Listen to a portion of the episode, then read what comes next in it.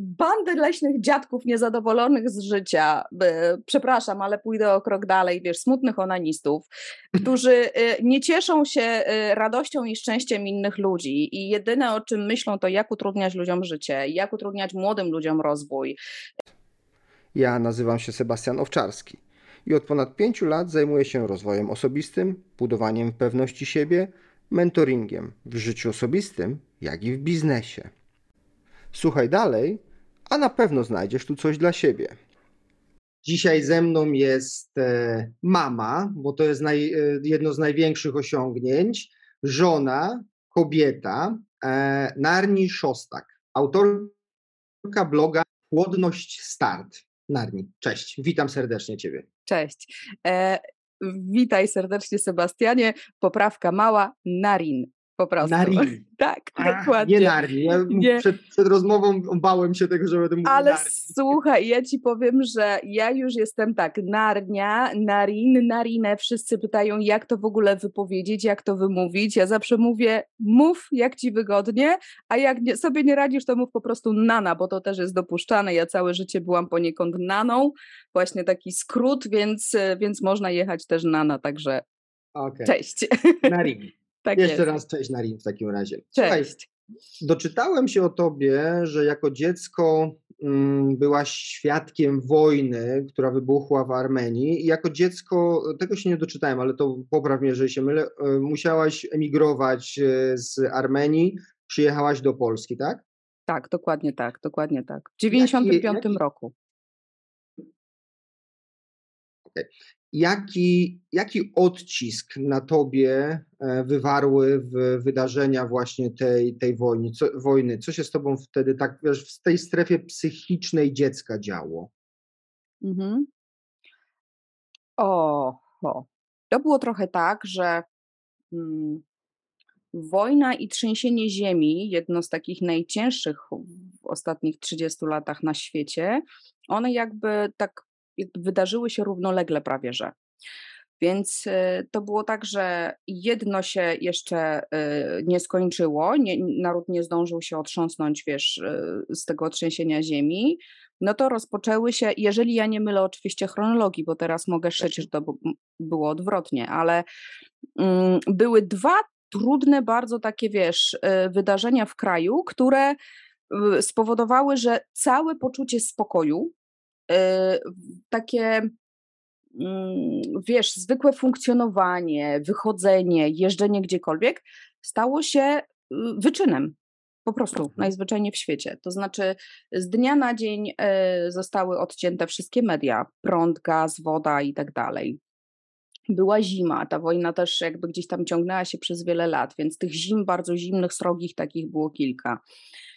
E, to były takie ja sobie jak próbuję przypomnieć z perspektywy dziecka, jak to, jak to yy, ja odbierałam, to mogę powiedzieć, że to, co się wtedy wydarzyło, jakby cały czas we mnie żyje. To znaczy, to gdzieś tam jest w pozycji uśpionej, ale jest, i jest to rodzaj takiego mikrodrżenia w ciele, które czujesz. Mhm. Coś takiego, co e, wiesz, że przez to też chociażby mam problemy ze snem, bo to ciągłe czuwanie i wiesz, y, niewiedza, niepewność powodowały, że człowiek nie był w stanie normalnie zasnąć.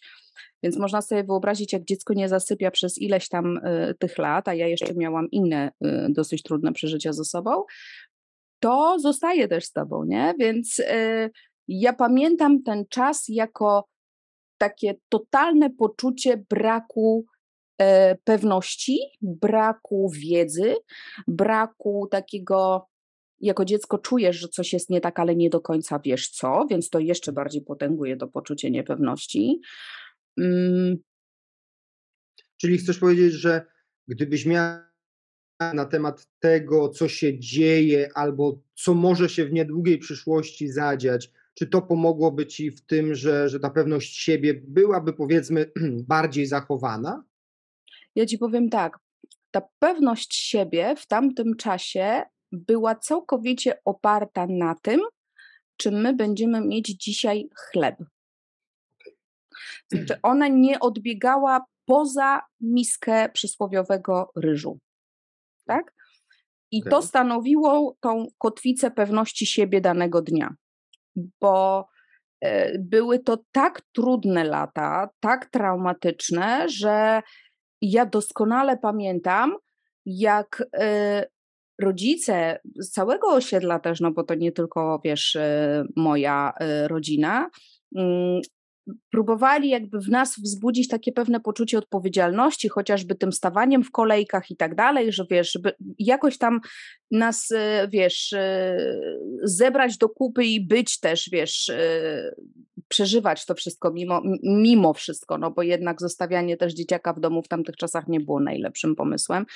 Więc ja pamiętam to, to, to, to była istna walka Dosłownie mhm. ci powiem. I stoisz jako taki, wiesz, krasnal, mały, 5, 6, 7 lat, wśród, wiesz, dużych facetów i tak dalej, którzy się zabijają o chleb. I jesteś ty. No I tak. tych dzieciaków jest od groma.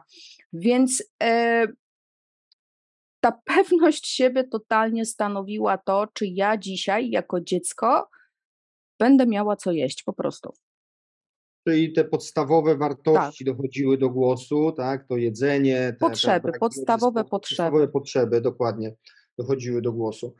Tak. No dobrze, to jako dziecko mm, powiedzmy tą wojnę przetrwałaś. Mm, zrobię taką małą, e, małą alegorię z tego względu, że kultura zachodu, problem to trzeba go zwalczyć, czyli najprościej mówiąc po amerykańsku, wywołać wojnę, wygrać, dziękuję. Natomiast kultura wschodu, czyli Azji, mówi, że zaprzyjaźnij się ze swoim wrogiem, poznaj go i w ten sposób go pokonasz.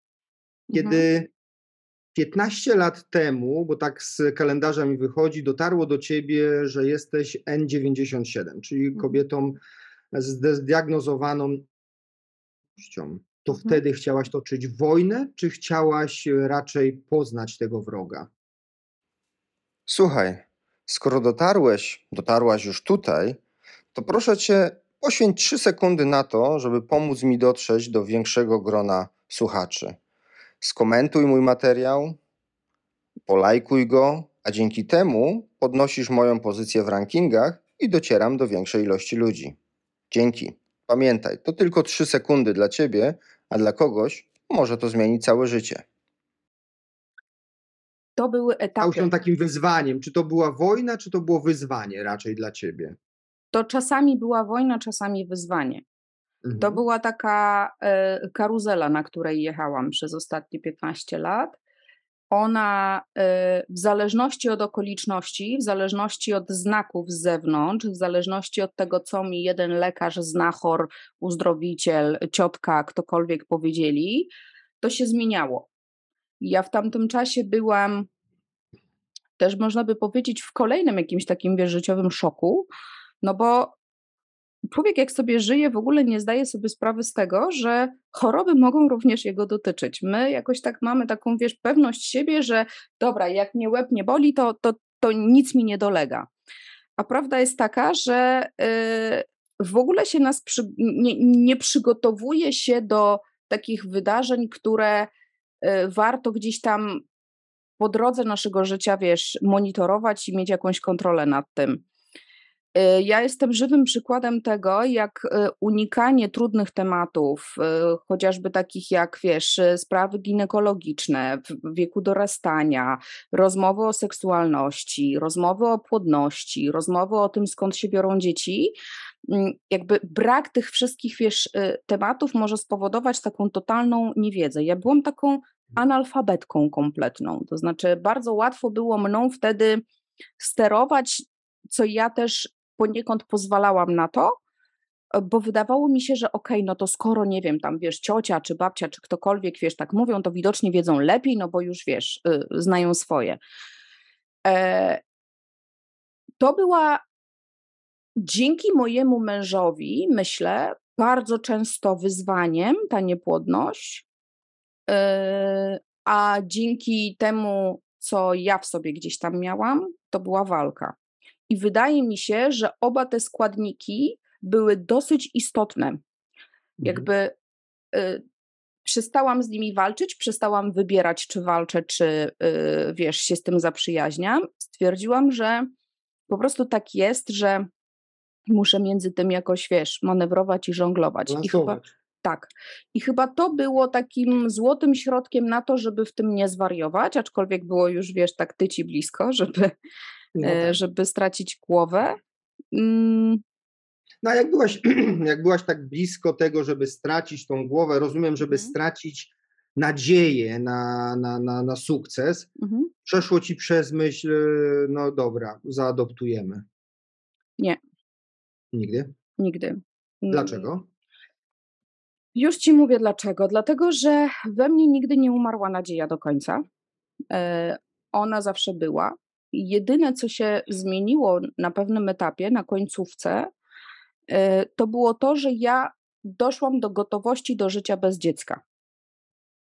Jakby okay. pracę, którą nad sobą wykonałam, e, doprowadziła mnie do takiego miejsca, w którym całkowicie zaakceptowałam fakt, że jest tak, jak jest i że prawdopodobnie nigdy nie będę mamą. I teraz mam do wyboru albo, yy, wiesz, zrobić z tego lament życia, albo obrócić to w jakąś moją siłę. Ja z mhm. natury jestem taka, że zawsze wybieram te pozytywne, yy, wiesz, yy, części wydarzeń, więc skupiłam się na tym, że okej, okay, to gdzie ja teraz mogę w jakiś sposób się, wiesz, y, dalej spełniać? I wyszło mi, taki rachunek, jak zrobiłam, że cholera jasna, ja mam bardzo dużo do przekazania ludziom, mam bardzo dużo w sobie, wiesz, fajnych wartości. To ja wiem, że to brzmi trochę, wiesz, tak nieskromnie i że w ogóle to jest takie na zasadzie, dobra, siedzi i się przechwala, ale uznałam, że jest wiele talentów we mnie, z których y, mogę zrobić, y, wiesz, nowy sens życia, nowy cel, nowe, wiesz, jakieś y, dążenia i to mi bardzo pomogło. Natomiast jeśli chodzi o adopcję, to my nigdy nie doszliśmy do tego momentu, w którym byśmy to rozważali, w którym byśmy to brali pod uwagę, bo ja też powiem coś bardzo być może niepoprawne, niepoprawnego politycznie, zwłaszcza w środowisku osób, które się borykają z niepłodnością, ale ja po prostu sobie w tamtym czasie nie wyobrażałam życia z dzieckiem, które nie jest moje. Po prostu. E, nie wyobrażałaś sobie życia z dzieckiem adopcyjnym? Czy to było wynikiem tego, że tak długo, bo ty chyba 10 lat walczyłaś z tą tak. niepłodnością, że już tak byłaś zaprawiona w boju i tak zaakceptowałaś tą sytuację, że w ogóle dziecko z adopcji to było coś, czego w ogóle, w ogóle nie rozważałaś?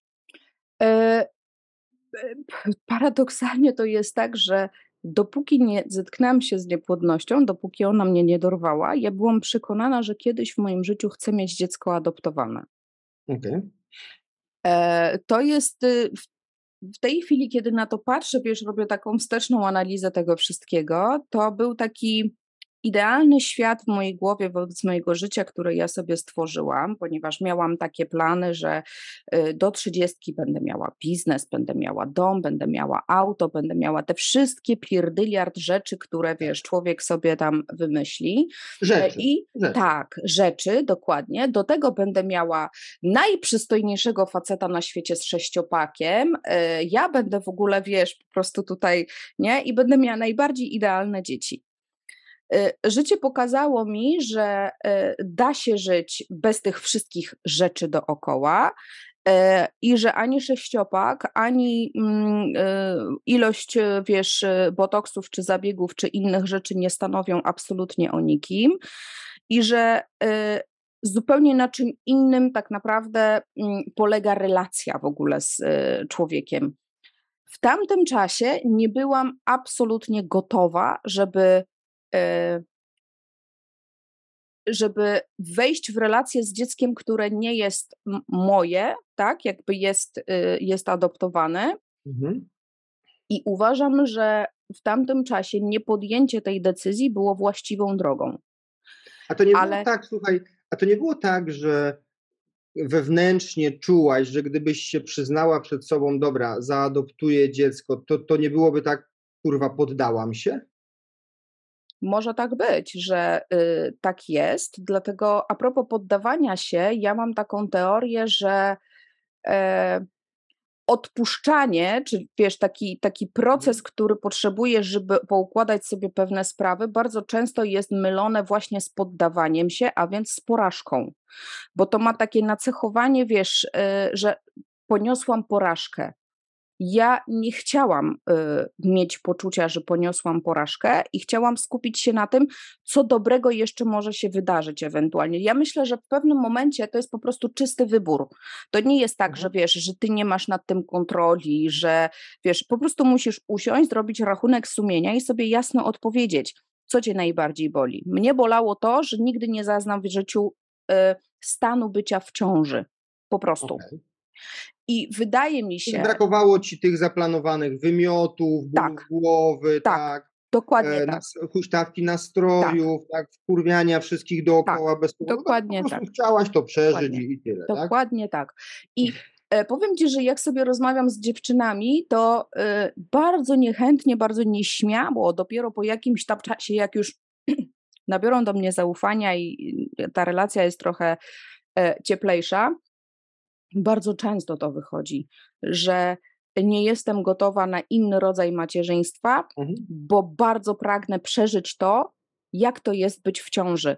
I dla mnie to jest absolutnie zrozumiałe. Ja jestem, y, mam bardzo dużo w sobie jakby y, zrozumienia i akceptacji dla tego stanu, bo jednak w pewnym momencie, kiedy kobieta jest gotowa na to macierzyństwo, to nie myśli o macierzyństwie w sposób naturalny y, poprzez inne drogi, tylko myśli o tym, że będzie w ciąży.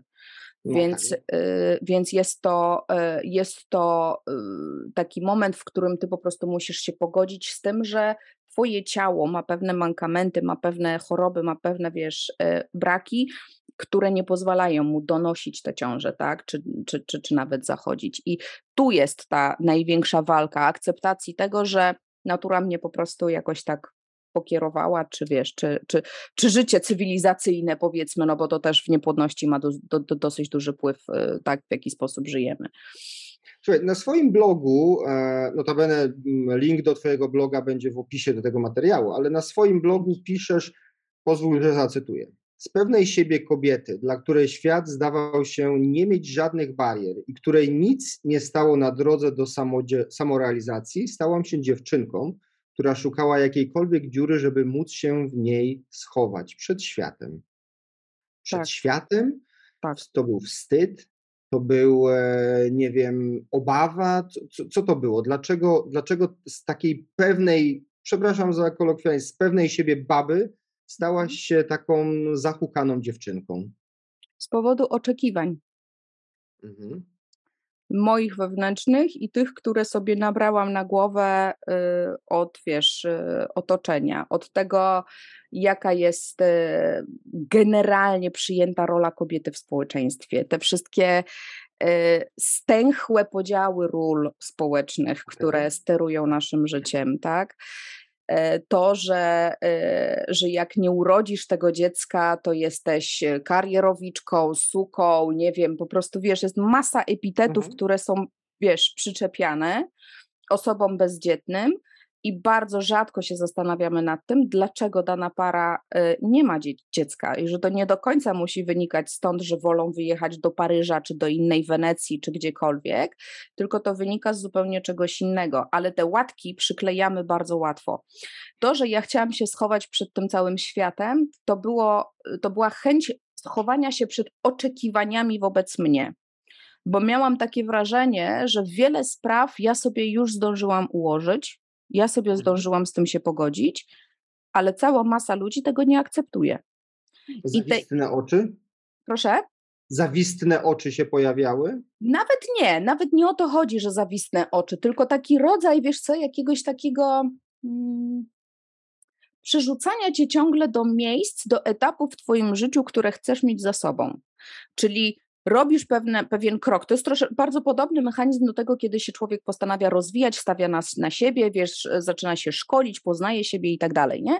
To to jest coś takiego, że zaczynasz rozumieć siebie, zaczynasz rozumieć pewne rzeczy, które y, dzieją się dookoła, a więc zaczynasz też odpowiednio na nie reagować, czyli inaczej niż dotychczas.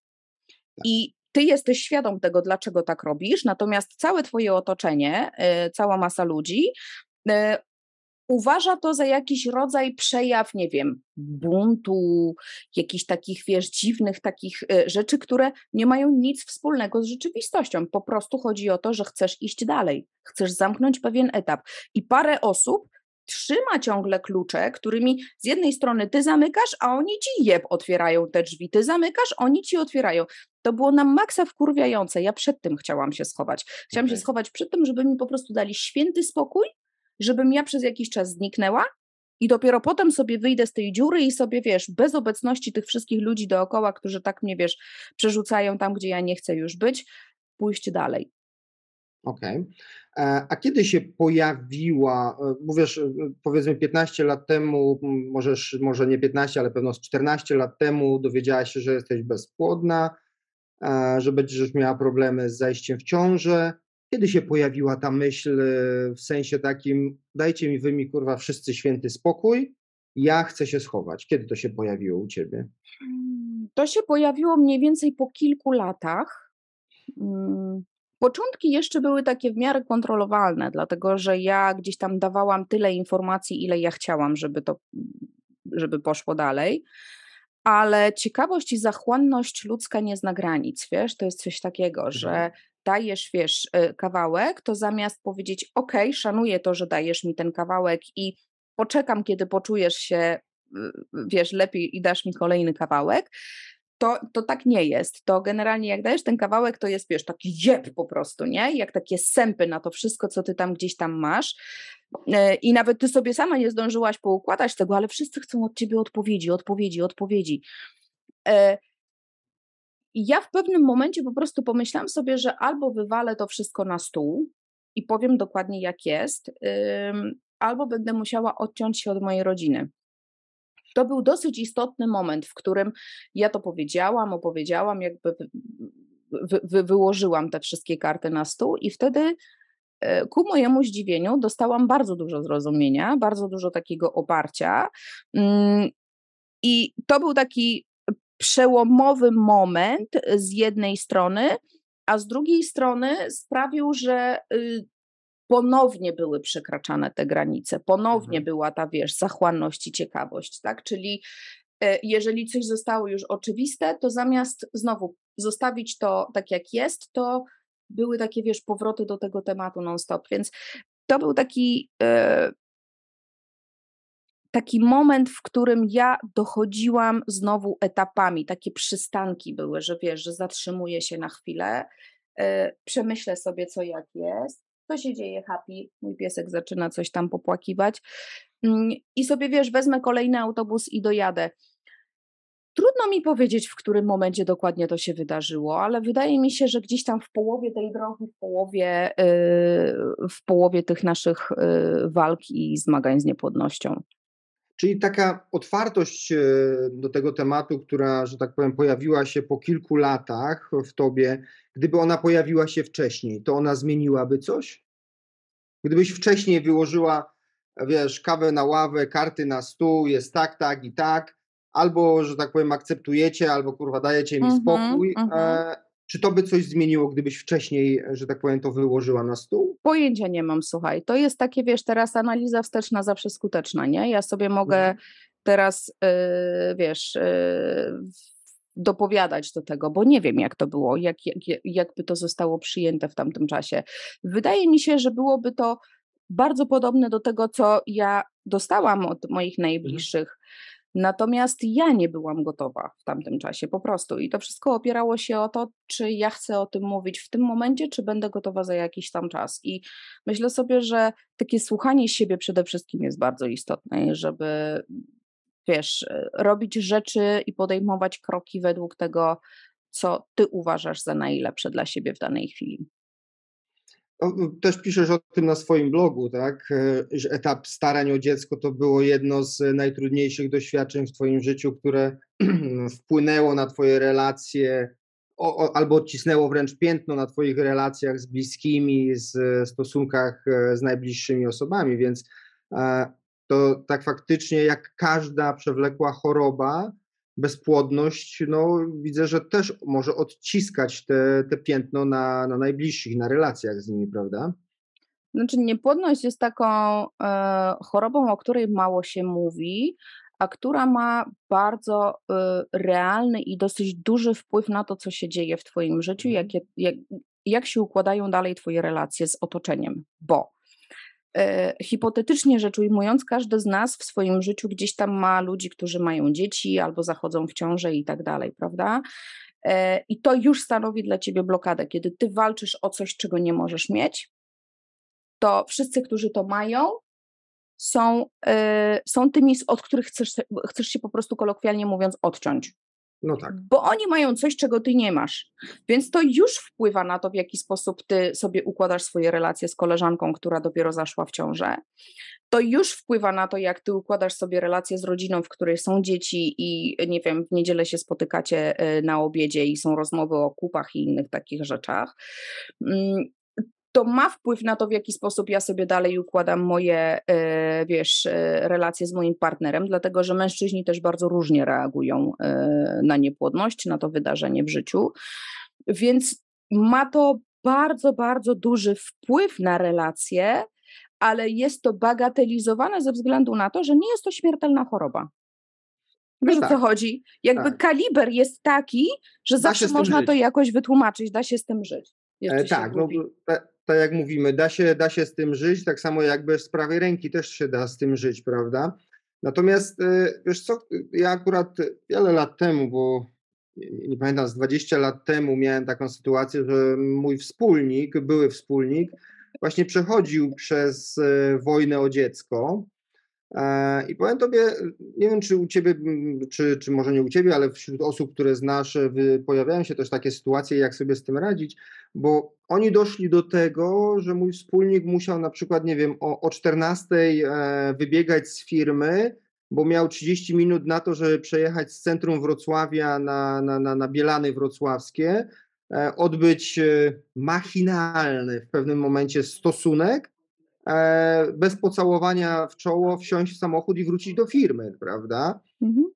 Powiem Ci szczerze, że ja przez, przez parę, no może nawet więcej niż parę miesięcy nie, nie zorientowałem się, że on tak wiesz, z, godziną, z, z, z zegarkiem w ręce wybiega, gdzieś wraca. Myślałem, że chodzi na lunch czy coś, aż w pewnym momencie zauważyłem, że wraca z dziwnie pozapinaną koszulą i mówię do niego, kurwa Darek, czy ty zdradzasz swoją żonę? On tak mówi, weź, przestań, kurwa, byłem na Bielanach, musiałem zrobić to. I w tym momencie mi się otworzył. Kiedy, kiedy sam, mężczyzna, kiedy sam zauważyłem, że ta koszula jest jakoś nie tak, on się otworzył, ale o co chciałem zapytać, czy ten seks po tylu latach walki, no, nie wiem, czy to nazwać jeszcze można seksem, bo seks się kojarzy z przyjemnością, czy ten akt mający doprowadzić do, do ciąży, to, to w ogóle ma cokolwiek wspólnego z przyjemnością? Boże, jedyny nic. To jest temat rzeka, zaraz ci o tym powiem. Zamknę tylko te drzwi, bo to jest po prostu. Czekaj, czekaj, czekaj.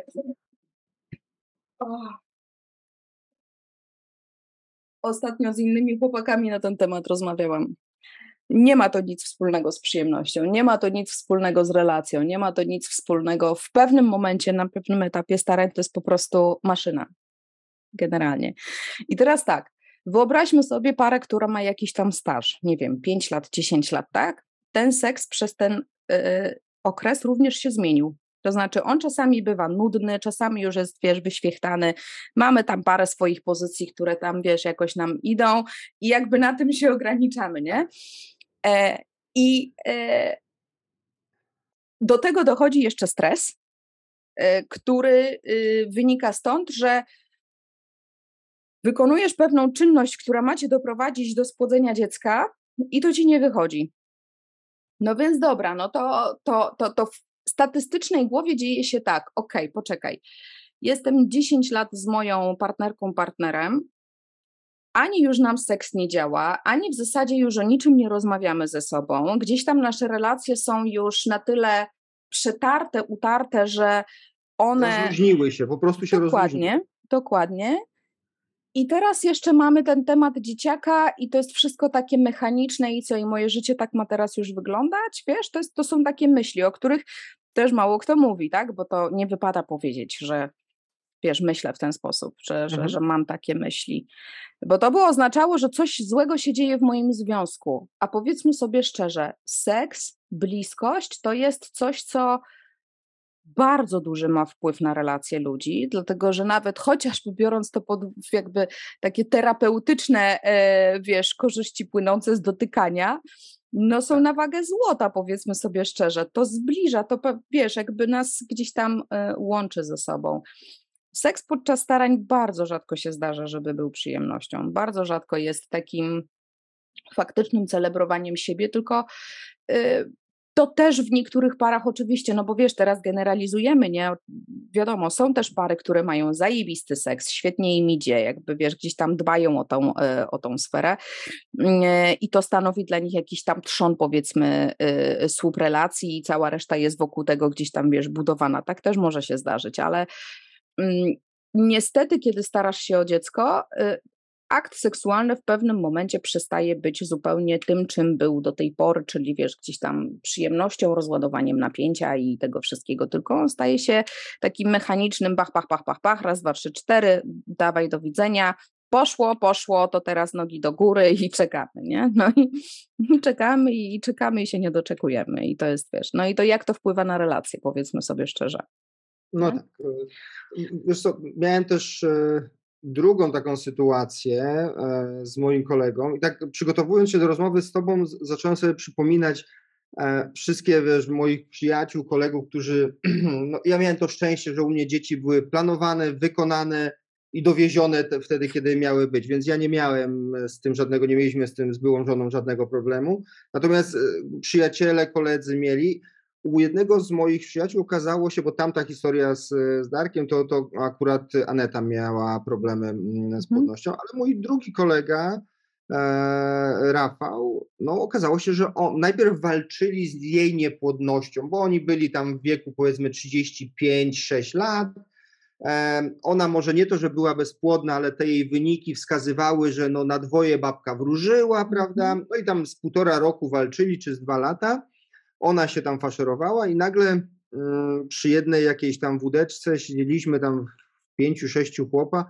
Mówimy, stary, ty masz cztery dychy prawie na karku. Ty weź se idź chłopaków swoich zbadaj, czy oni pływają.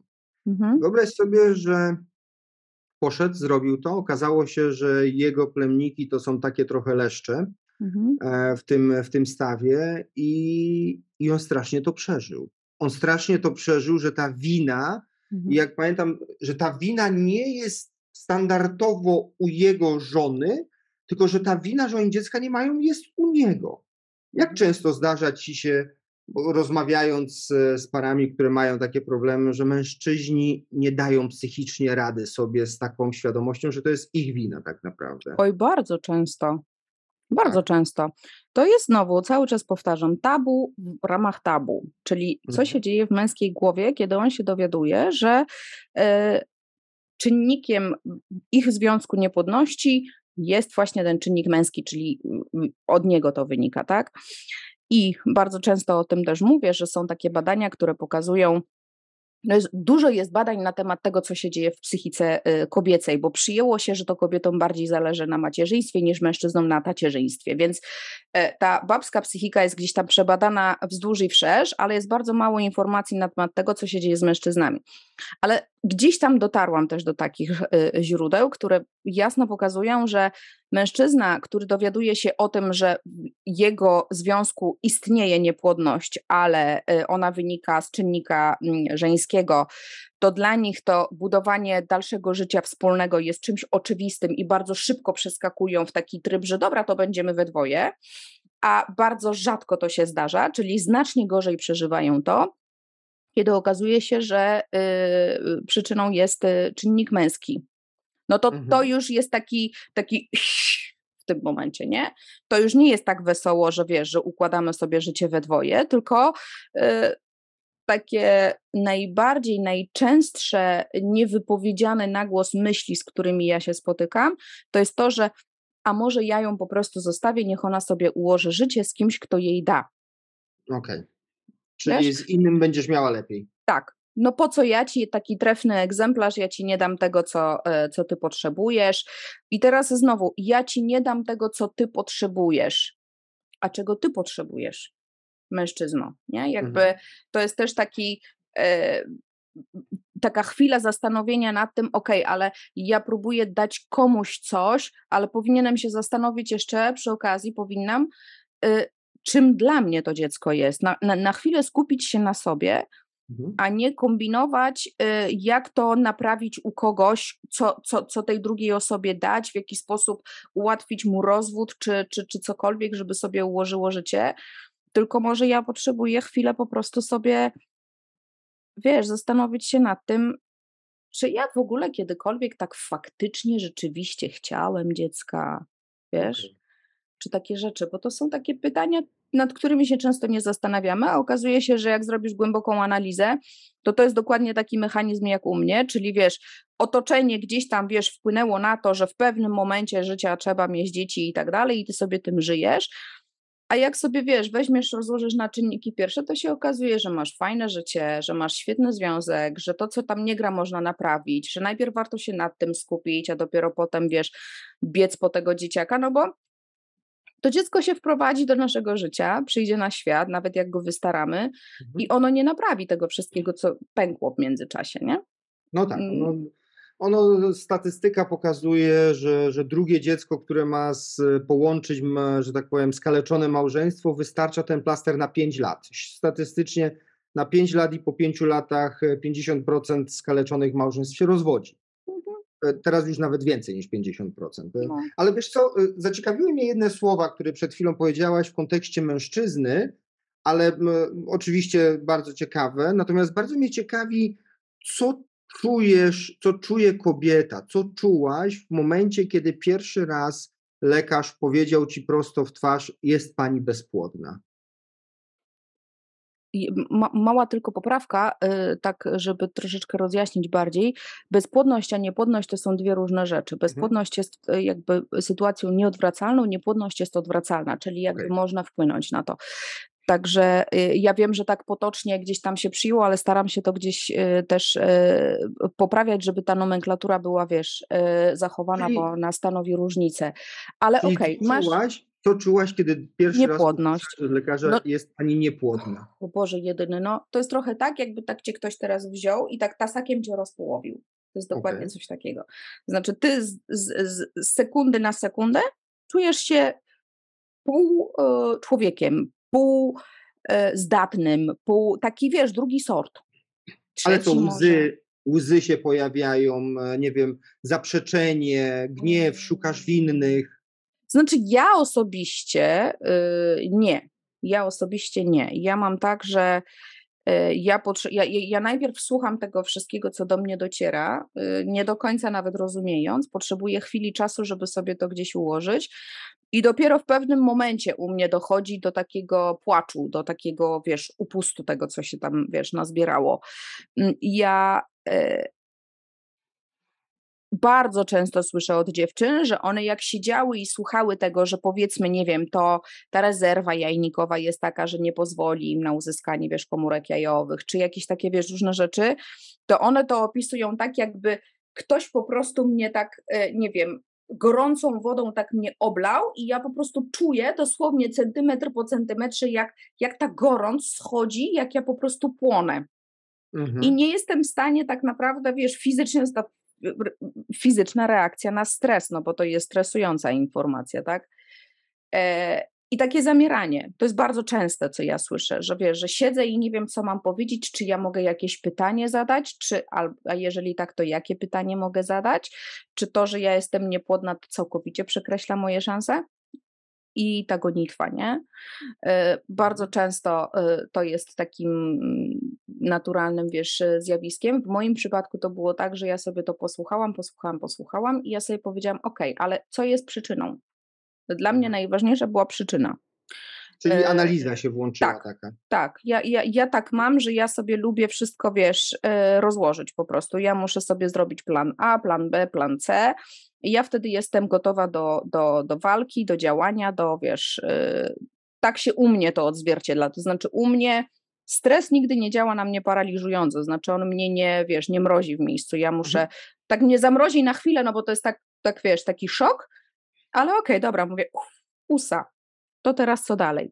Szukanie rozwiązań w każdej sytuacji, e, zamiast skupiania się na problemie, no to jest jakby, mm, wiesz, szansa na to, że znajdziesz te rozwiązania, prawda? Większość osób skupia się na problemie, e, większość osób jakby gdzieś tam brzydko mówiąc, tapla się w tych y, sytuacjach, które ich dorywają gdzieś tam życiowo.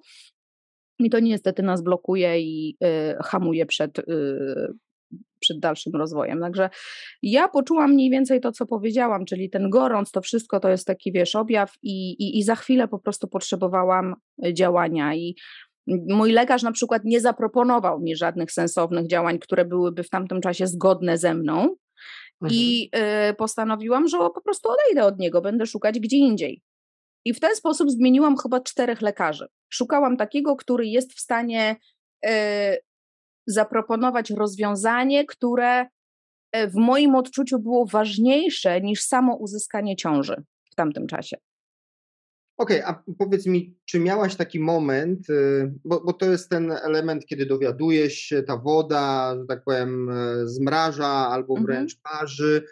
E, pewno pojawiło się jakieś zaprzeczenie, szukanie powodu. A miałaś taki moment, kiedy sama przed sobą przyznałaś, no dobra, no jestem niepłodna. No i mhm. co z tego? E, Przyznać się tak, ale tego pytania i co z tego chyba sobie przez długi czas nie zadawałam. Mhm. Bo y, znowu byłam w innym momencie. To pytanie i co z tego pojawiło się w momencie, kiedy zaczęłam czuć, że staję się coraz bardziej gotowa do życia bez dziecka. To wtedy się pojawiło. Natomiast zanim to się wydarzyło, to było ok, jestem niepłodna, ale co mogę z tym zrobić? Gdzie mogę szukać pomocy? Jakie mam możliwości, opcje, ile to kosztuje, ile muszę kasy na to przeznaczyć, gdzie muszę wyjechać i tak dalej, i tak dalej. Nie? No mhm. i to była cała ta, wiesz, cała, ca, ca, wiele lat takiego szukania po uzdrowicieli, od znachorów, na drugim końcu, wiesz, gdzieś tam e, Słyszałem, czytałem, Armenii. że do Armenii też jeździłem Tak, dokładnie. Mam, mam, mam, słuchaj, wachlarz po prostu taki, że dzisiaj jak sobie, wiesz, to, to myślę, to śmieję się i trochę mi wstyd nawet, no bo to, wiesz, ale y, tłumaczę to sobie też w ten sposób, że y, to było mi w tamtym czasie potrzebne. Ja po prostu byłam wtedy na tym etapie, że y, potrzebowałam przez to przejść, żeby zrozumieć, żeby do mnie dotarło po mojemu, czego ja mhm. potrzebuję, a nie jak ktoś mi narzuca. Ja nienawidzę, jak ktoś mi czegokolwiek narzuca. Ja muszę zawsze sama dojść do pewnych, wiesz, rzeczy. Więc ci, ci, ci znachorzy, te wszystkie, wiesz, maści, rytuały, jakieś, wiesz, duperele po prostu. Przecież ja nawet od jednej e, babki dostałam, dobra, uwaga, powiem wam, słuchajcie, e, e, to jest kawałek e, moszny czy jajek wilka, które są wysuszone w, e, zapakowane w jakiś taki, wiesz, specjalny czerwony, wiesz, woreczek i ja to miałam zawsze po lewej stronie od stanika, słuchaj, gdzieś tam sobie przyczepić i to nosić. Przecież jak ja sobie dzisiaj o tym myślę. Ja to, to w ogóle jest, legalne jest, żeby coś takiego nosić?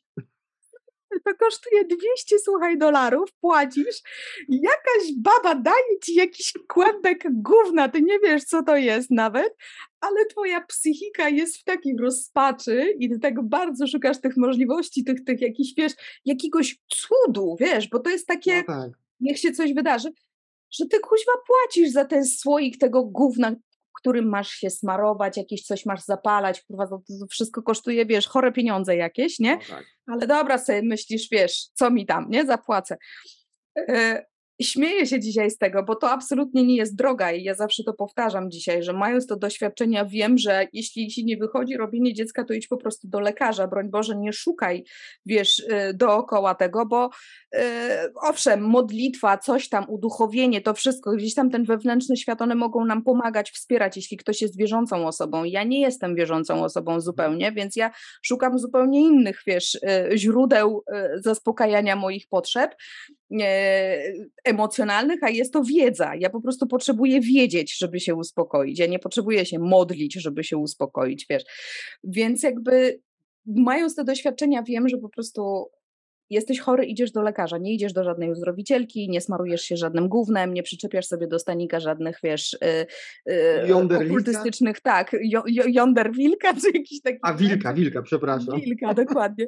Po prostu idziesz do lekarza, nie? I, I, wiesz, to jest taka anegdota już trochę się z tego robi w moim życiu, ja się z tego śmieję, wiadomo, E, ale, e, ale zawsze szukałam tych rozwiązań i wydaje mi się, że też takim dosyć sporym składnikiem tego, że ja nie zwariowałam w tamtym czasie, było to, że ja szukałam.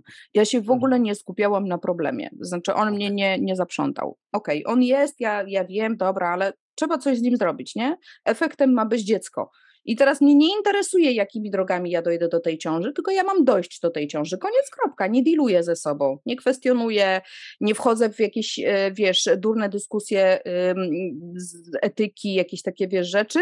Jest in vitro, super, jest to rozwiązanie, zajebiście, wchodzimy w to w pewnym momencie, po prostu wiedziałam, że jestem gotowa na, to, e, na tą procedurę i, e, i ją rozpoczęliśmy i się zakończyła sukcesem i jest moja córka, więc y, wiesz. A jak córka ma na imię, jak można wiedzieć? Sati. Sati, Sati. ma na imię. Gdzieś tam, gdzieś tam wyczytałem y, imię, ale zapomniałem tak szczerze tak. mówiąc. Słuchaj, a powiedz mi, e, bo, bo tak, ja, ja pochodzę z takiego małego miasta, nie z Wrocławia, spod Wrocławia, piękna miejscowość Świdnica i kilka lat temu, nie wiem czy kojarzysz tą miejscowość, ale możesz ją kojarzyć, bo było głośno o niej, Bardzo bo moja dobrze. koleżanka ze szkoły przeprowadziła akcję i Świdnica finansuje od 3-4 lat in vitro. Mhm. Jako, jako, jako samorząd. Proszę? Jako samorząd, pewnie z budżetu A, samorządowego. Samorząd. Mhm. samorząd. E, prezydent Świdnicy Beata Moskal-Słaniewska, moja koleżanka, jak mnie słucha, to pozdrawiam Beatko, zdecydowała wyciągnąć pieniądze z budżetu i wsadzić w in vitro. Oczywiście wszyscy katoprawicowi od PiSu przez innych cholera wie jakich, że marnotrawstwo, że to, że tamto, że sram, tak. to przepraszam, ale tak. e, no, nie chce, mi się, nie chce mi się na ich tematy gadać, bo mają w jednej ręce Biblię, a w drugiej nóż, Dokładnie. Więc e, przeprowadziła coś takiego i Świdnica dzisiaj z tego mm, powodu słynie, jest fajnie. Czy to jest, y, mm, jak podchodzisz do tego, że jak PiS doszedł do władzy, to pierwsze co, to obciął budżety dla miast, dla samorządów, powiatów właśnie na, na to in vitro. No jak ja mogę do tego podejść? To jest czyste skurwysyństwo. A, to jest okay, skurwysyństwo w czystej postaci. Jakby to jest... Idziemy do to... następnego pytania. To ja mogę o tym powiedzieć? No słuchaj, no jeżeli masz bandę leśnych dziadków niezadowolonych z życia, przepraszam, ale pójdę o krok dalej, wiesz, smutnych onanistów, którzy y, nie cieszą się y, radością i szczęściem innych ludzi i jedyne o czym myślą to jak utrudniać ludziom życie, jak utrudniać młodym ludziom rozwój, y, cokolwiek, co może polepszyć ich życie, jakość ich życia, to ja nie umiem tego inaczej nazwać jak skurwysyństwem, po prostu.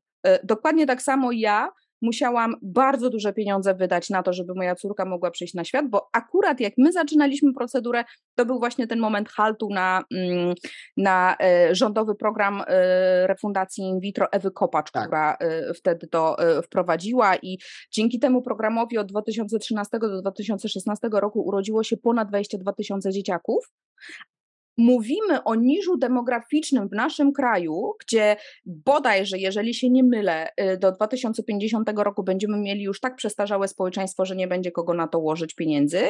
Mhm. Y, mamy prawie 3 miliony osób, po półtora miliona par rocznie jest diagnozowana w kierunku niepłodności, y, którzy pragną mieć dzieci, a ich nie mogą mieć. A ktoś mi mówi, że in vitro to jest zabijanie zarodków, nie wiem, czegoś tam. No przepraszam bardzo, to samo ja mogę powiedzieć, że masturbacja jest marnowaniem nasienia na przykład. To samo mogę powiedzieć, że owulacja to jest marnowanie, wiesz, niewykorzystana, oczywiście niespłodzona, wiesz, to jest, tak. to, to, to, to, są takie bzdury, to jest taka głupota, to jest taka niewiedza, to jest takie, że wiesz, no sorry, ale to średniowiecze po prostu welcome to i... Znaczy wiesz co, ja bym ja bym się tutaj w, w, w 99,8% Twojej ostatniej wypowiedzi się zgadzam, natomiast nie uznaję tego za średniowiecze. Ja uznaję to za wyrachowaną grę Dobra. polityczną idiotów, którzy chcą się jednemu staremu gejowi przypodobać po prostu. No dobra, okej, okay. no to, to, to pięknie to powiedziałeś. To, to ja się zgadzam z, z tą twoją końcówką. Dokładnie tak, niech tak będzie. Teraz a propos tego, profesor Ruszkowski, nomen omen inteligentny człowiek, żeby nie było, jak sobie przeczytałem o nim w trakcie tej całej wojny, która się na jego, na jego nazwisko rzuciła, no to mówię, no kurde, facet ma dokonania, ma pełną inteligencję, ma, no ma wszystko, co powinien mieć, płodzi dzieło, w którym nazywa dzieci poczęte in vitro jako nie w pełni, nie, nie, pamiętam dokładnie, szlak mnie trafił, zapomniałem już tego, ale było to nazwane, że dzieci z in vitro to nie są prawdziwi ludzie, nie, nie są ludzie... To jest produkcja, to znaczy on sprowadził tą wypowiedzią do hodowli kurczaków mojego dziecka na przykład. Tak. Mniej dokładnie. więcej taki ma wydźwięk ta, ta, ta wypowiedź. E, ja poszłam sobie do księgarni i wzięłam ten e, kitowy podręcznik do ręki i sobie chciałam przeczytać. E, w, pew, w ogóle moja pierwsza reakcja na te publikacje były takie, że to musi być jakiś fake. Znaczy, to było dla mnie tak abstrakcyjne, to co ja przeczytałam, że nie mieściło mi się to w ogóle w głowie, że to może rzeczywiście znaleźć się w podręczniku. I mhm. wydawało mi się, że to jest jakiś fake. Cholera, mówię, wiesz, no ale sprawa się, wiesz, gdzieś tam rozwinęła dalej. Wiadomo już było, że to nie jest fake, że to jest faktycznie taki stan rzeczy. Poszłam sobie do księgarni, wziąłem sobie ten, e, tę książkę do ręki, ten podręcznik. Mhm. I, I ja ci powiem tak. Facet, o którym mówisz, że ma takie dokonania, który jest inteligentny, mądry i tak dalej, nie chcę wchodzić w negowanie tego, bo to nie o to chodzi zupełnie. Ma też jedną bardzo dobrą, e, e, taką wiesz, wypracowaną na maksa do granic możliwości umiejętność. To jest umiejętność manipulacyjnego pisania to jest coś, co wybija się z tej książki z tak. każdej strony, z każdego zdania.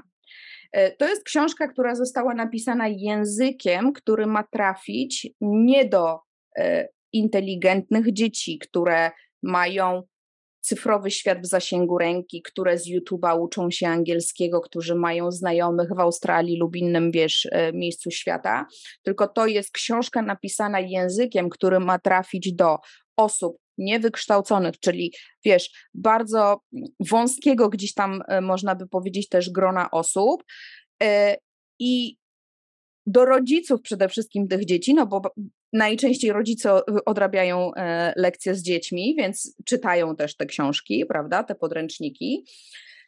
I w moim odczuciu to nie dość, że ma sobie e, wyhodować e, w pewnym sensie, wiesz, pokolenie, które będzie dalej wielbiło te ich, wiesz, prawicowe poglądy i gdzieś tam e, się z nimi utożsamiało, to jeszcze utwierdzać w przekonaniu rodziców tych, tych dzieci. To jest podręcznik, który psuje naszą piękną, mądrą, myślącą młodzież, w której są takie bzdury napisane, łącznie z tym, jak bardzo Elvis Presley czy z jakiej Ray Charles wpłynęli na to, że nastąpiła, słuchaj, rozwięzłość yy, w ogóle, wiesz, seksualna i tak dalej, że rasy się zaczęły, wiesz, mieszać. Ja pierdzielę! Po prostu jaki trzeba mieć łeb, żeby takie rzeczy napisać? Znaczy nie, to, to jest to, co powiedziałaś. To jest e, podręcznik mający, i tu się z Tobą w 100% zgadzam, zanim powie, użyłaś pewnego słowa, ja miałem w głowie, chciałem to użyć, ale wyprzedziłaś mnie. To jest wyhodowanie kolejnego pokolenia osób, które będą głosowały, które będą takimi maszynkami do głosowania na 500 plus, na, na, na, na tych, co dają 500 tak. plus. Bo, bo oni wiedzą dzisiaj, że mm, starsi umierają, to, to pokolenie moherowych beretów umiera, więc tu, tu, tutaj ten elektorat naturalnie odchodzi. Średni elektorat jeszcze jest, a najmłodszy, który ma ten internet w zasięgu swojej komórki, im szybko ucieknie. I, i faktycznie ten, ten hit, ten podręcznik hitu, to jest narzędzie propagandy skierowane do nastolatków. Dokładnie. To, to, to nic Dokładnie innego. Tak. Taki, taki Goebbels, Goebbels XXI wieku e, w przekazie nie Deutsche Welle, tylko tak. hit e, podręcznik do nauki. Tak, tak, tak. dokładnie. To jest, Więc no, ja się nie dziwię, że ludzie chcą uciec z tego kraju. Ja się nie dziwię, że rodzice nie chcą wysyłać swoich dzieci do szkół. E, ja e, miałam trzy tygodnie temu telefon, czy e, posyłam dziecko na religię. Absolutnie nie ma takiej opcji, nie ma takiej zgody u nas w rodzinie. My nie, nie, w mhm. ogóle nie wchodzimy w takie tematy. Mówimy o 500, gdzie na dzień dobry wyprawka do przedszkola z wszystkimi rzeczami, które dziecko potrzebuje, to jest ponad 700 zł. Więc co chwila są potrzeby y, w przedszkolach, co chwila są jakieś zbiórki, co chwila czegoś brakuje. Do tego stopnia, że ja ostatnio musiałam za 270 zł zamówić, słuchaj, papier, ręczniki papierowe, bo w grupie w przedszkolu nie ma ręczników papierowych. No więc ja bym zdecydowanie bardziej chciała, żeby ten rząd dawał te pieniądze tym przedszkolom w takiej ilości, żeby im wystarczyło na zapewnienie ręczników papierowych y, dla dzieci, y, kartek do drukowania, nie wiem, kredek, wszystkiego czy czegoś tam, prawda? Ja nie potrzebuję tych 500 zł, żeby y, dołożyć kolejne dwie stówy i jakoś, wiesz, dzieciaka wyprawić do tego przedszkola, nie? Ale to jest, no to jest rząd roznawnictwa, powiedzmy sobie szczerze. Oni po prostu sobie kupują y, głosy i wiele osób najzwyczajniej w świecie daje się nabijać w tę butelkę. No tak, tutaj pod tym względem faktycznie e, w 100% się zgadzamy. Natomiast wiesz co, e, jedna rzecz jeszcze mnie ciekawi, tak, tak no więcej rzeczy mnie ciekawi, ale bardzo mnie to ciekawi, bo poruszyłaś ten temat e, wiary. Mówisz, że jesteś osobą niewierzącą, więc tutaj też się zgadzamy. Ja jestem e, apostatą, czyli kimś, kto przybił na drzwiach, e, na drzwiach kościoła swoją deklarację wystąpienia z, z kościoła. Oczywiście nie chodzi o to, nie, nie chodzi o sam kościół, ale chodzi o pedofilię, której no, że tak powiem, jestem, jestem zwolennikiem kary śmierci właśnie za to, tak? Mhm. Rozumiem cię w pełni. Kara śmierci. E, ciekawi mnie jedna rzecz. Jak często spotykasz się, bo to jest e, kolejny cytat z Twojego bloga, jak często się spotykasz z tym, rozmawiając z kobietami? Czuję, że niepłodność jest karą, bo odwróciłam się od Boga. Jak, mhm. jak często się z tym spotykasz jaka jest reakcja, domyślam się, Jaka jest Twoja rada e, w zakresie takiego, takiego banalnego stwierdzenia? Jeżeli ktoś mi mówi, czuję, że to jest kara, bo odwróciłam się od Boga, to mnie ciekawi to, dlaczego ta osoba odwróciła się Boga, od Boga i jakie znaczenie ten Bóg ma, ma, ma w jej życiu. Być może mhm. rozwiązaniem jest to, żeby ona powróciła na tą ścieżkę y, duchową, być może jest to pewien rodzaj dyskomfortu, który należy, y, wiesz, jakby tym się zająć, tak? Ja myślę sobie, że religia w ogóle, wiara, y, wiesz, y, jakieś poczucie bliskości z Bogiem jakimkolwiek i tak dalej, mm, to mogą być czynniki miękko wpływające na twój jakiś tam, wiesz, dobrostan, ale to pod warunkiem, że ty wierzysz, pod warunkiem, że jesteś osobą, dla której ta religijność jest istotna. Jeżeli ty nie wierzysz w Boga, nie uznajesz takich rzeczy i dla ciebie jakby czysta nauka, życie, śmierć to jest jakby gdzieś tam taka, taki ciąg, y, to, y, to nie wiem, czy wiesz, czy takie rozmowy o religii mogą cokolwiek wnieść, ale bardzo często jest tak, takie są moje wnioski osobiste, że To jest trochę tak. Mm, w pewnym momencie kobiety postanowiły, że mm, będą dbać o siebie, że mogą czerpać e, przyjemności z życia, że mogą mieć partnerów, a nie jednego partnera w swoim życiu, że e, mogą sobie, wiesz, robić kariery i całą masę fajnych rzeczy, które dają im wolność.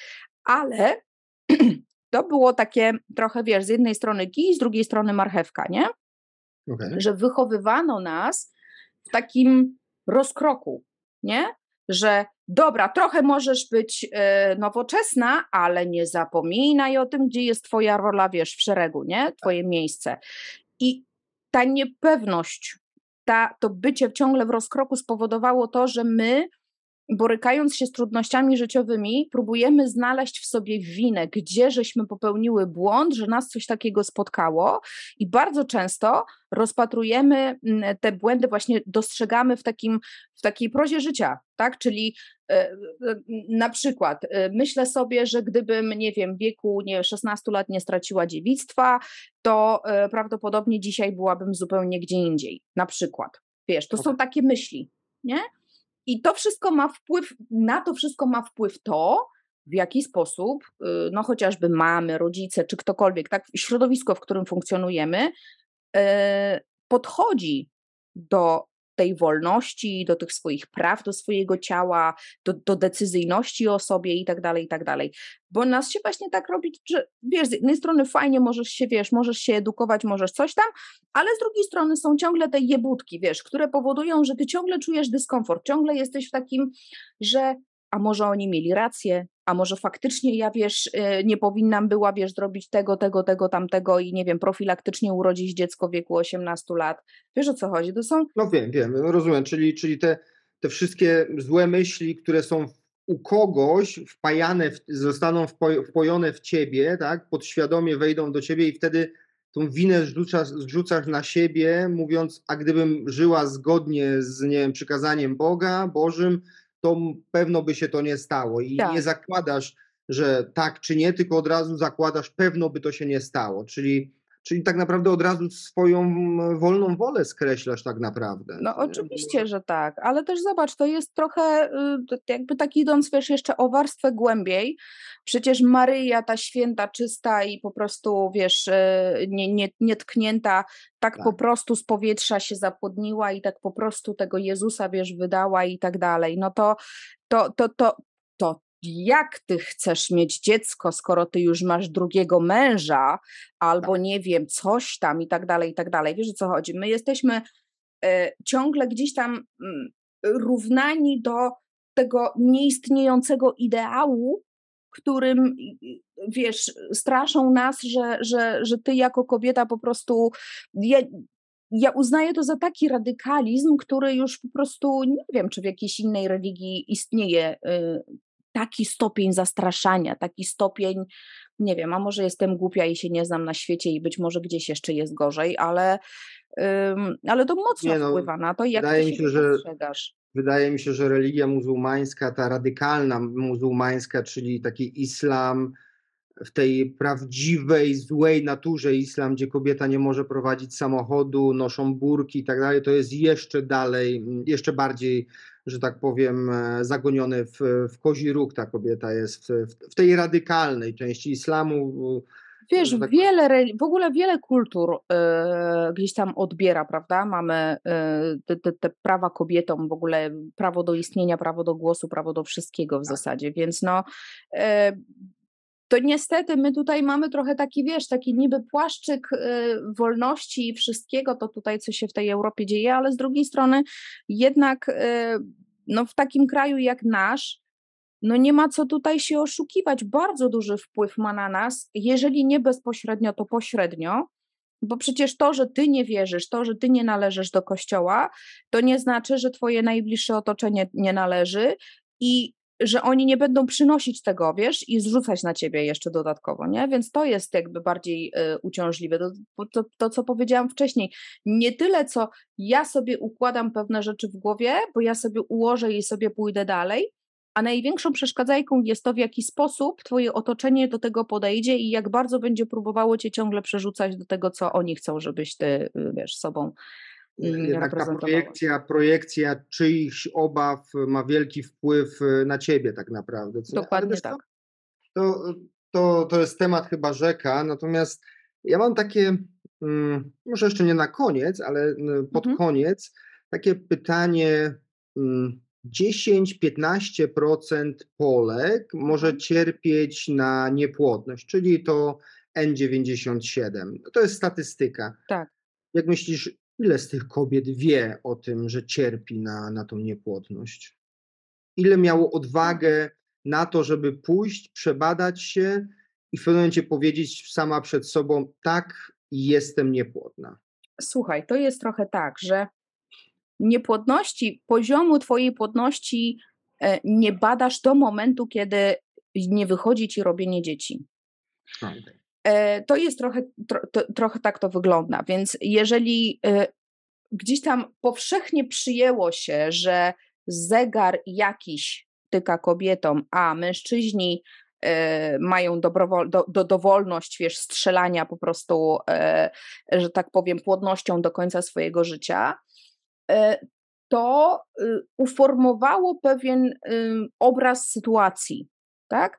To niestety wpłynęło na to, że mężczyźni są nieświadomi tego, że 40% y, wszystkich przyczyn niepłodności wynika z czynnika męskiego. 40% to już nie jest 10 czy 15, to jest no tak. kawał procentów. No tak. Kobiety y, były, przez wiele lat słyszały, że zegar tyka, ale jaki zegar? To już nikt nie wgłębiał się w to, tak? Co to jest rezerwa jajnikowa? Nikt nie wgłębiał się w to. Bardzo dużo mówimy o edukacji seksualnej, o tym, jakie to jest istotne, wiesz, w życiu młodych ludzi i tak dalej, ale bardzo mało też edukujemy na temat płodności, bo obecnie doszliśmy do takiego miejsca, w którym świadome nieposiadanie dzieci, którym tak się wiele osób też szczyci, ja to szanuję, ok, jest bardziej akceptowalne niż chęć zostania rodzicem. No tak. Że jakby te granice zatarły się tak bardzo, że dzisiaj, jeżeli masz odwagę powiedzieć, że pragnę zostać mamą, to trochę jest to równane do tego, że pragnę zostać kuchną domową i rozumiesz. Yy, Kolejny zam... stereotyp. Tak. I ja się z tym kompletnie nie zgadzam. Więc yy, kobieta, która chce mieć dziecko, uważam, że w ogóle para, która chce mieć dziecko, bycie rodzicem jest przywilejem i trzeba pomagać i trzeba wspierać ten proces, a nie po prostu mówić im jakieś wiesz, głupoty typu odpuśćcie, to wam się uda, ale to jest inna historia. Natomiast wracając do y, tej, tej jakby tych badań, tej, tej profilaktyki, ja myślę, że dzisiaj nasza młodzież tak samo sprawnie, jak potrafi y, założyć prezerwatywę na banana, gdzie się tak, wiesz, uczy dosyć łopatologicznie takich rzeczy i tyle się mówi o, o bezpiecznym seksie, dokładnie tak samo powinny być świadome, że płodność nie jest gwarancją na całe życie. Że ty jako kobieta, młoda dziewczyna, nie wiem, 16-17-letnia, jeżeli masz nieregularne miesiączki na przykład, masz bóle, które towarzyszą y, tym, tym menstruacjom, to jest sygnał, żeby pójść przebadać się, bo może ci grozić endometrioza, może ci grozić zespół policystycznych jajników, y, możesz mieć y, inne zaburzenia y, układu rozrodczego. I to są rzeczy, które nie wolno bagatelizować tylko dlatego, bo młoda kobieta ma 17 czy 18 czy 16 lat. Bo to no. one później się kumulują i mają wpływ na to, co się tam, wiesz, w wieku dorosłym się dzieje w tym organizmie. Więc myślę sobie, że zarówno mężczyźni, jak i kobiety. Dzisiaj świadomy człowiek powinien raz na, nie wiem, dwa lata, ja już nie mówię, że tak jak wiesz, powiedzmy masz e, różowy październik, że wiesz, badasz sobie piersi raz w roku, bo to jest trochę inna sytuacja, ale jednak te parametry płodności warto zbadać co jakieś dwa, trzy lata, tak profilaktycznie, po prostu, żeby wiedzieć, jaki jest stan mojej płodności, na czym ja z tym stoję, czy e, to po prostu pomaga w świadomym planowaniu rodziny w przyszłości. Ale nie wyklucza tego, że zdecydujesz się nie mieć tych dzieci. Przecież to, że dbasz o pewną sferę, to nie znaczy, że musi z tego coś wynikać takiego, wiesz, y, no docelowego, na, prawda? Na, najłatwiej można to porównać do aborcji, prawda? No, no to, że jest, y, nie wiem, w, w Polsce byłaby dozwolona aborcja do któregoś tam e, tygodnia, to nie znaczy, że wszyscy mają lecieć i dokonywać aborcji. Otóż to, wybór, otóż to, otóż to, otóż to. Ale wiesz co, e, na koniec chciałem, e, chciałem jedną rzecz powiedzieć, tak dosyć przewrotnie, może nie przewrotnie, ale tak dosyć prognostycznie powiedzieć, to są Twoje słowa. Prosto od ginekologa idź do psychologa. Czemu to tak. takie istotne?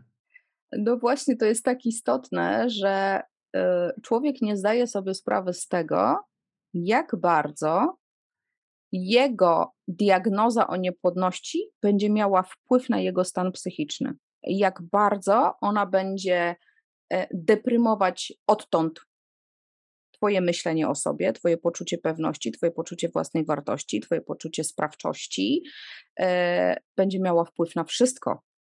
Ty, słysząc diagnozę o niepłodności, schodzisz do momentu, e, to jest coś takiego, do bardzo takich pierwotnych instynktów, o których człowiek zdążył zapomnieć w tym swoim pędzie życia, w tych dążeniach, w tych celach, karierach i wszystkim, że nagle dopiero kiedy zaczyna się borykać z niepłodnością, czyli z brakiem możliwości zostawienia po sobie potomka, dopiero wtedy zaczyna sobie zadawać pytanie, ale jaki jest sens mojego istnienia? Okay. Nie? No bo e, zobacz, e, nie, nie, nie siedzisz i nie dumasz nad tym na co dzień. Powiedzmy, masz jakieś cele, masz jakieś wiesz, życiowe po prostu etapy, do których chcesz dojść, ale o sensie życia, stricte takim, wiesz, takim bardzo w kontekście egzystencji, dopiero zaczynasz rozmyślać, kiedy spotkacie coś naprawdę tra traumatycznego, czyli nie wiem, yy, śmiertelna choroba, albo chociażby niepłodność, albo jakieś inne yy, tragedie, które powodują, że następuje klik, nie? Coś, coś takiego się dzieje w mózgu, że zaczynasz zadawać inne pytania. I wtedy pojawia się często takie kolejne pytanie, e, a dlaczego ja? A co ja takiego zrobiłam, że mnie to spotkało? Zrobiłam, zrobiłem. Tak. E, czego życie jeszcze ode mnie, czy, czy, czy, chce, jakby wiesz, co, czego ja chcę od życia, wiesz, to jest trochę, mm, zawsze powtarzam, że y, to jest też takie y, fajny taki moment, w którym ja mogę usiąść i się zastanowić, ok, ale może ja bym coś dała życiu, a może ja tak cały czas chcę coś dostawać, dostawać, dostawać, a może dzieje się ta niepłodność w moim życiu dokładnie po to, żebym ja przez chwilę zweryfikowała pewne rzeczy, siebie zweryfikowała względem tego całego otoczenia. I ta sfera psychiczna jest na tyle istotna, że wielu lekarzy nawet nie zdaje sobie sprawy z tego. W klinikach leczenia niepłodności masz gdzieś tam rozrzucone ulotki, wiesz, w jednym piątym, e, nie wiem, wizyta u psychologa. Idź zapłacić 2,5 stówy za wizytę u psychologa, ale ona nie jest jakby obejmowana całym procesem, wiesz, leczenia. I to jest okay. moim zdaniem błąd, bo e, e, para, która musi tak naprawdę z dnia na dzień wręcz wiesz, wyciągnąć kilkanaście tysięcy na wstępne jakieś tam badania i wiesz, diagnostykę i takie rzeczy, ona na szarym, szarym, szarym, szarym końcu dopiero pomyśli o tym, żeby wydać kolejne 2,5 stówy na psychologa. Bo co mi da ten psycholog? Ale sfera mentalna będzie miała ogromny wpływ i ona będzie determinować wszystko to, jak my się będziemy zachowywać, jak my przetrwamy ten czas, etap starań. E, I dlatego ja uważam, że w momencie, kiedy słyszysz diagnozę o niepłodności, może nie idź tak od razu, wiesz, z gabinetu do gabinetu, ale miej z tyłu głowy, że będzie ta niepłodność miała wpływ na wszystko, co robisz odtąd. Po prostu. Bo cię cały czas z tyłu głowy będzie towarzyszyła myśl, że jestem trefnym egzemplarzem, że jestem niepełną kobietą, niepełnym mężczyzną, że oto moje życie jaki ma sens, skoro powiedzmy, nie wiem, mam to, to, to, to, to, tamto, ale najważniejszego nie mogę mieć, nie mogę mieć dziecka. Najważniejszego w tej chwili. Nie? W tej chwili, dokładnie. Bo doszliśmy do momentu, w którym osiągnęliśmy wszystko, co nam było potrzebne do tego, żeby być gotowym do posiadania dzieci, i nagle się okazuje, że, y, że tych dzieci nie możemy mieć.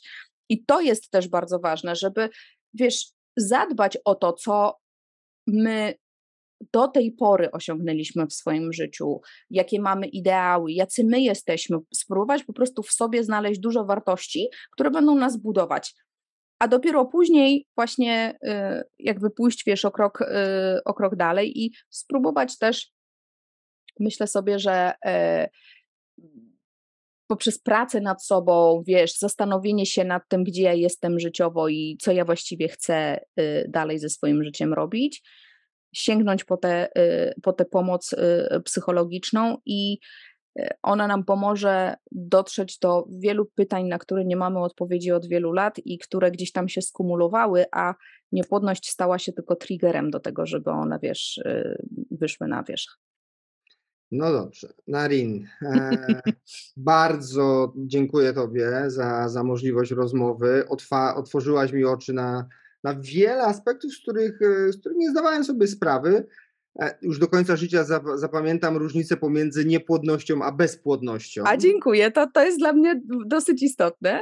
Fajnie. Tak, i, i tu, tutaj już zawsze będę wiedział, czym się jedno różni, czym jest jedno, a czym jest drugie, bo dla mnie było jedno i drugie tym samym. Dzisiaj już, już nie jest, od dziś już nie jest.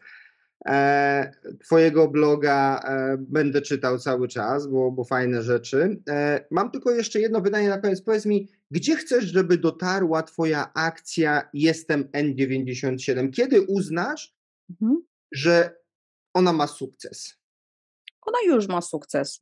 To znaczy ja... Ale ja, taki, ja wiesz, taki, Mhm. taki do, do którego dąży, bo jeżeli ona ma sukces, no to znaczy, że już tylko jest takie ja powiem ci pielęgnowanie. a tak, już ci powiem o co chodzi. Y, Dla mnie y, sukces to jest coś takiego, co ja robię dla jednostki. To znaczy, y, myśląc o tej akcji, tak zupełnie poważnie powiem, najpierw pomyślałam o sobie. A dopiero potem przyszła mi do głowy cała masa innych osób. I jeśli ja po tej akcji dostaję kilkaset wiadomości o tym, że y, ona pomogła, wiesz, y, innym, tak, żeby, żeby y, wyszły z tego cienia, żeby dokonały krok naprzód, żeby się nie wstydziły tej niepłodności, albo że nawet powiedzmy w social mediach tym nie epatują, ale to miało wpływ na to, jak oni, nie wiem, zakomunikowali o swojej niepłodności w rodzinie i tak dalej, to to jest dla mnie sukces. Jakby y, ja wiem też, że mm, jest to dosyć trudny obszar i wiele osób y, obserwuje tę tematykę z ukrycia, bo nie chcą być, wiesz, nie chcą kliknąć lajka, nie chcą zostawiać komentarza, żeby z przypadkiem znajomi nie widzieli, więc jest to cały czas gdzieś tam owiane tajemnicą i ja miarę y, sukcesu y, tej akcji mierzę jakby mam, mam taką, że dostaję feedback od ludzi, że ona im pomogła.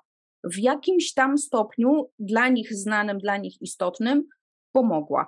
A jeśli chodzi o to, gdzie ona dalej dotrze, y, myślę sobie, że w pewnym momencie zrozumiałam, że w niepłodności, jakby w, ogóle w tej akcji chodzi o dotykanie wielu aspektów niepłodności, jakby takich niuansów i tego wszystkiego, co się tam y, dzieje w, u par. Y, W tej chwili z różnych względów na razie nie planuję trzeciej edycji, ale myślę sobie, że y, ona nastąpi na pewno w przyszłym roku y, i ona będzie dotyczyć panów dokładnie, więc tutaj mam y, taki. y, Służę pomocą, jeżeli będziesz potrzebowała męskiego Bardzo chętnie, Bardzo to jestem, chętnie. jestem do dyspozycji. Ja na co Bardzo dzień chętnie. pracuję, pracuję z, e, z mężczyznami, z kobietami, ze sportowcami, z biznesmenami.